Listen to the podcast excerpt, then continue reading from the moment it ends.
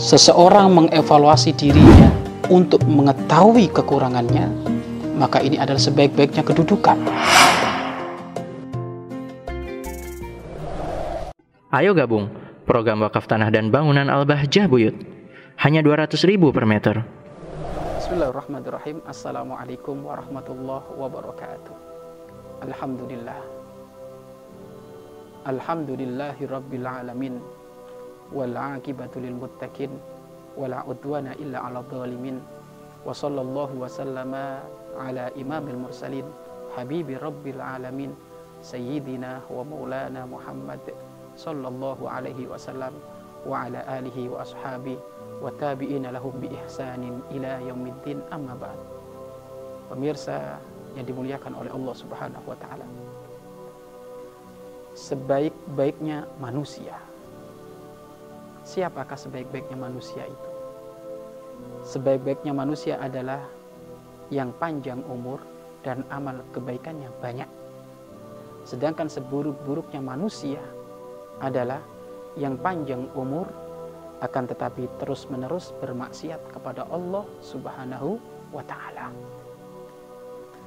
Selama ini kita banyak berdoa meminta kepada Allah, ya Allah panjang umur. Panjang umur, panjang umur. Bagus. Siapa tidak ingin panjang umur? Akan tapi di saat kau berdoa minta panjang umur, hanya jangan melulu panjang umurnya saja akan tapi mohonlah kepada Allah, ya Allah panjang umur dalam keadaan to'at, sehat, walafiat.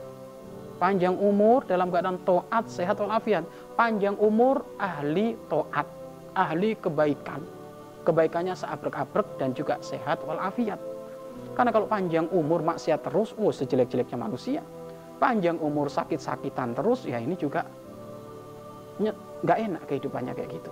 Maka di saat memohon kepada Allah, ya Allah panjangkan umur kami dalam keadaan toat dan sehat wal afiat. Karena kenikmatan yang paling agung itu adalah nikmat sehat, sehat wal afiat.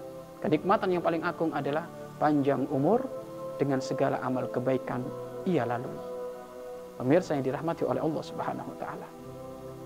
Begitu juga sebaliknya, sejelek-jeleknya manusia adalah panjang umur kemaksiatannya di mana-mana. Merugi orang kayak gitu. Merugi tidak ia menghembuskan nafas kecuali ia melakukan maksiat. Tidak tidak bertambahnya hari kecuali kecuali ia melakukan maksiat. Tidak bertambah minggu kecuali ia melakukan maksiat. Berarti dia sejelek-jeleknya orang. Maka kehidupan kita seperti apa sekarang? Kira-kira kehidupan kita ini yang sudah berlalu satu tahun itu kira-kira apa yang lebih banyak? Yang mendominasi itu kebaikan atau kejelekan? Apalagi sekarang berada di wilayah Muharram, tahun baru Islam. Maka tidaklah berlalu tahun baru yang kemarin kecuali harus ada renungan dong, ada evaluasi. Bagaimana? Berlalulah tahun yang kemarin. Berarti sekarang kita tambah usia kita. Kira-kira tahun kemarin mana yang mendominasi? Kebaikan kita kah atau kejelekan kita? Jangan-jangan tahun kemarin itu sampai sekarang kita itu finish ada di mana?